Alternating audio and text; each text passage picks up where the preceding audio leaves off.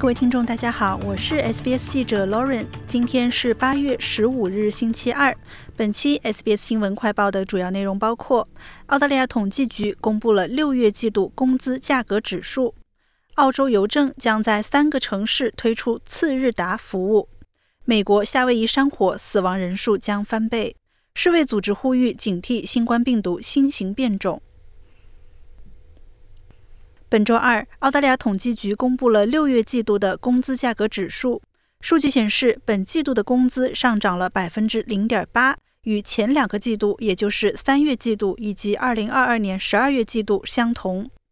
统计局每季度发布一次工资价格指数，衡量工资和薪金在一段时间内的变化，不受工作质量或数量变化的影响。其主要目的是衡量通货膨胀对工资的影响。是评估货币政策时使用的一个关键经济指标。最新的数据显示，工资的年增长率从三月季度数据公布时的百分之三点七，略微下跌到了百分之三点六，略微减轻了对所谓工资价格螺旋式上升的担忧。统计局价格统计主管米歇尔·马夸特表示，百分之三点六的年工资涨幅仍然接近十多年来的最高水平。然而，这个数字低于大多数经济学家，包括储备银行经济学家们的预测。Indeed 的亚太地区经济学家皮克林表示，澳大利亚的工人在短短两年内薪资实际下滑，使他们失去了过去十年来努力争取的生活水平改善。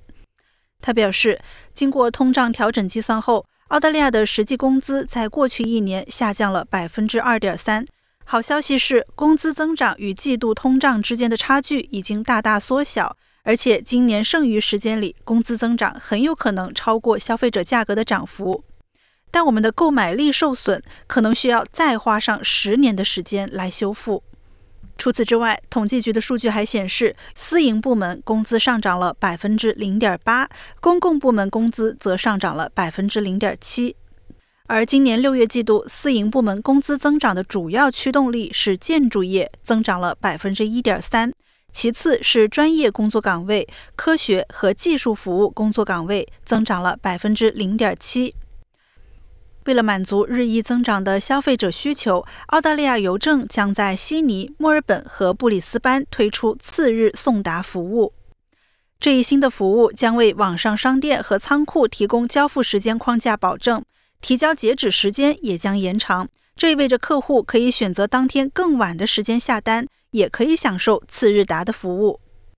目前，澳大利亚邮政只向部分的零售商开放此项服务，不过在未来的几个月内，该服务将扩展到更多的地区和线上市场。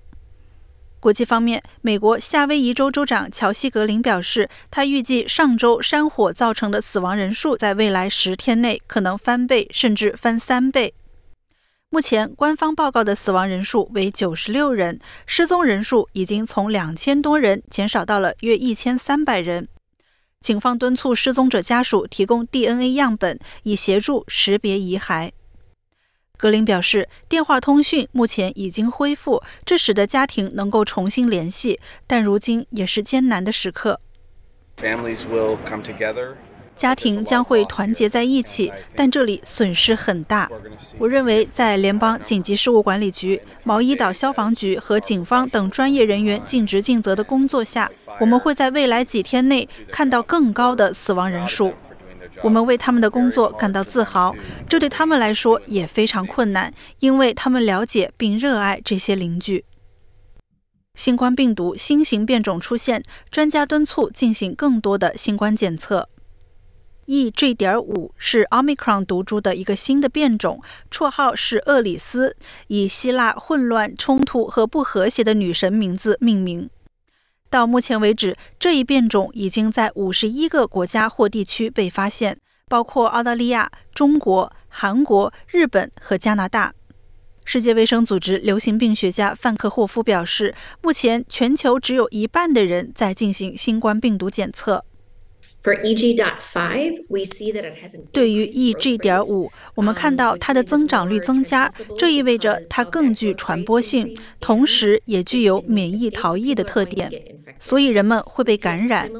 我们看到它的严重程度与其他变种相似，不会更轻，但也不会更重，从而导致各种各样的并发症。由于增长率的增加，它从七月开始被列为受监测的病毒变种。如今，我们在越来越多的国家检测到它。我们预计，在某些国家，它可能会成为主导的毒株。感谢收听本期的 SBS 新闻快报，在任何播客平台搜索 SBS 普通话，点击订阅，开启消息提醒，即可了解澳洲国内外新闻以及社区资讯。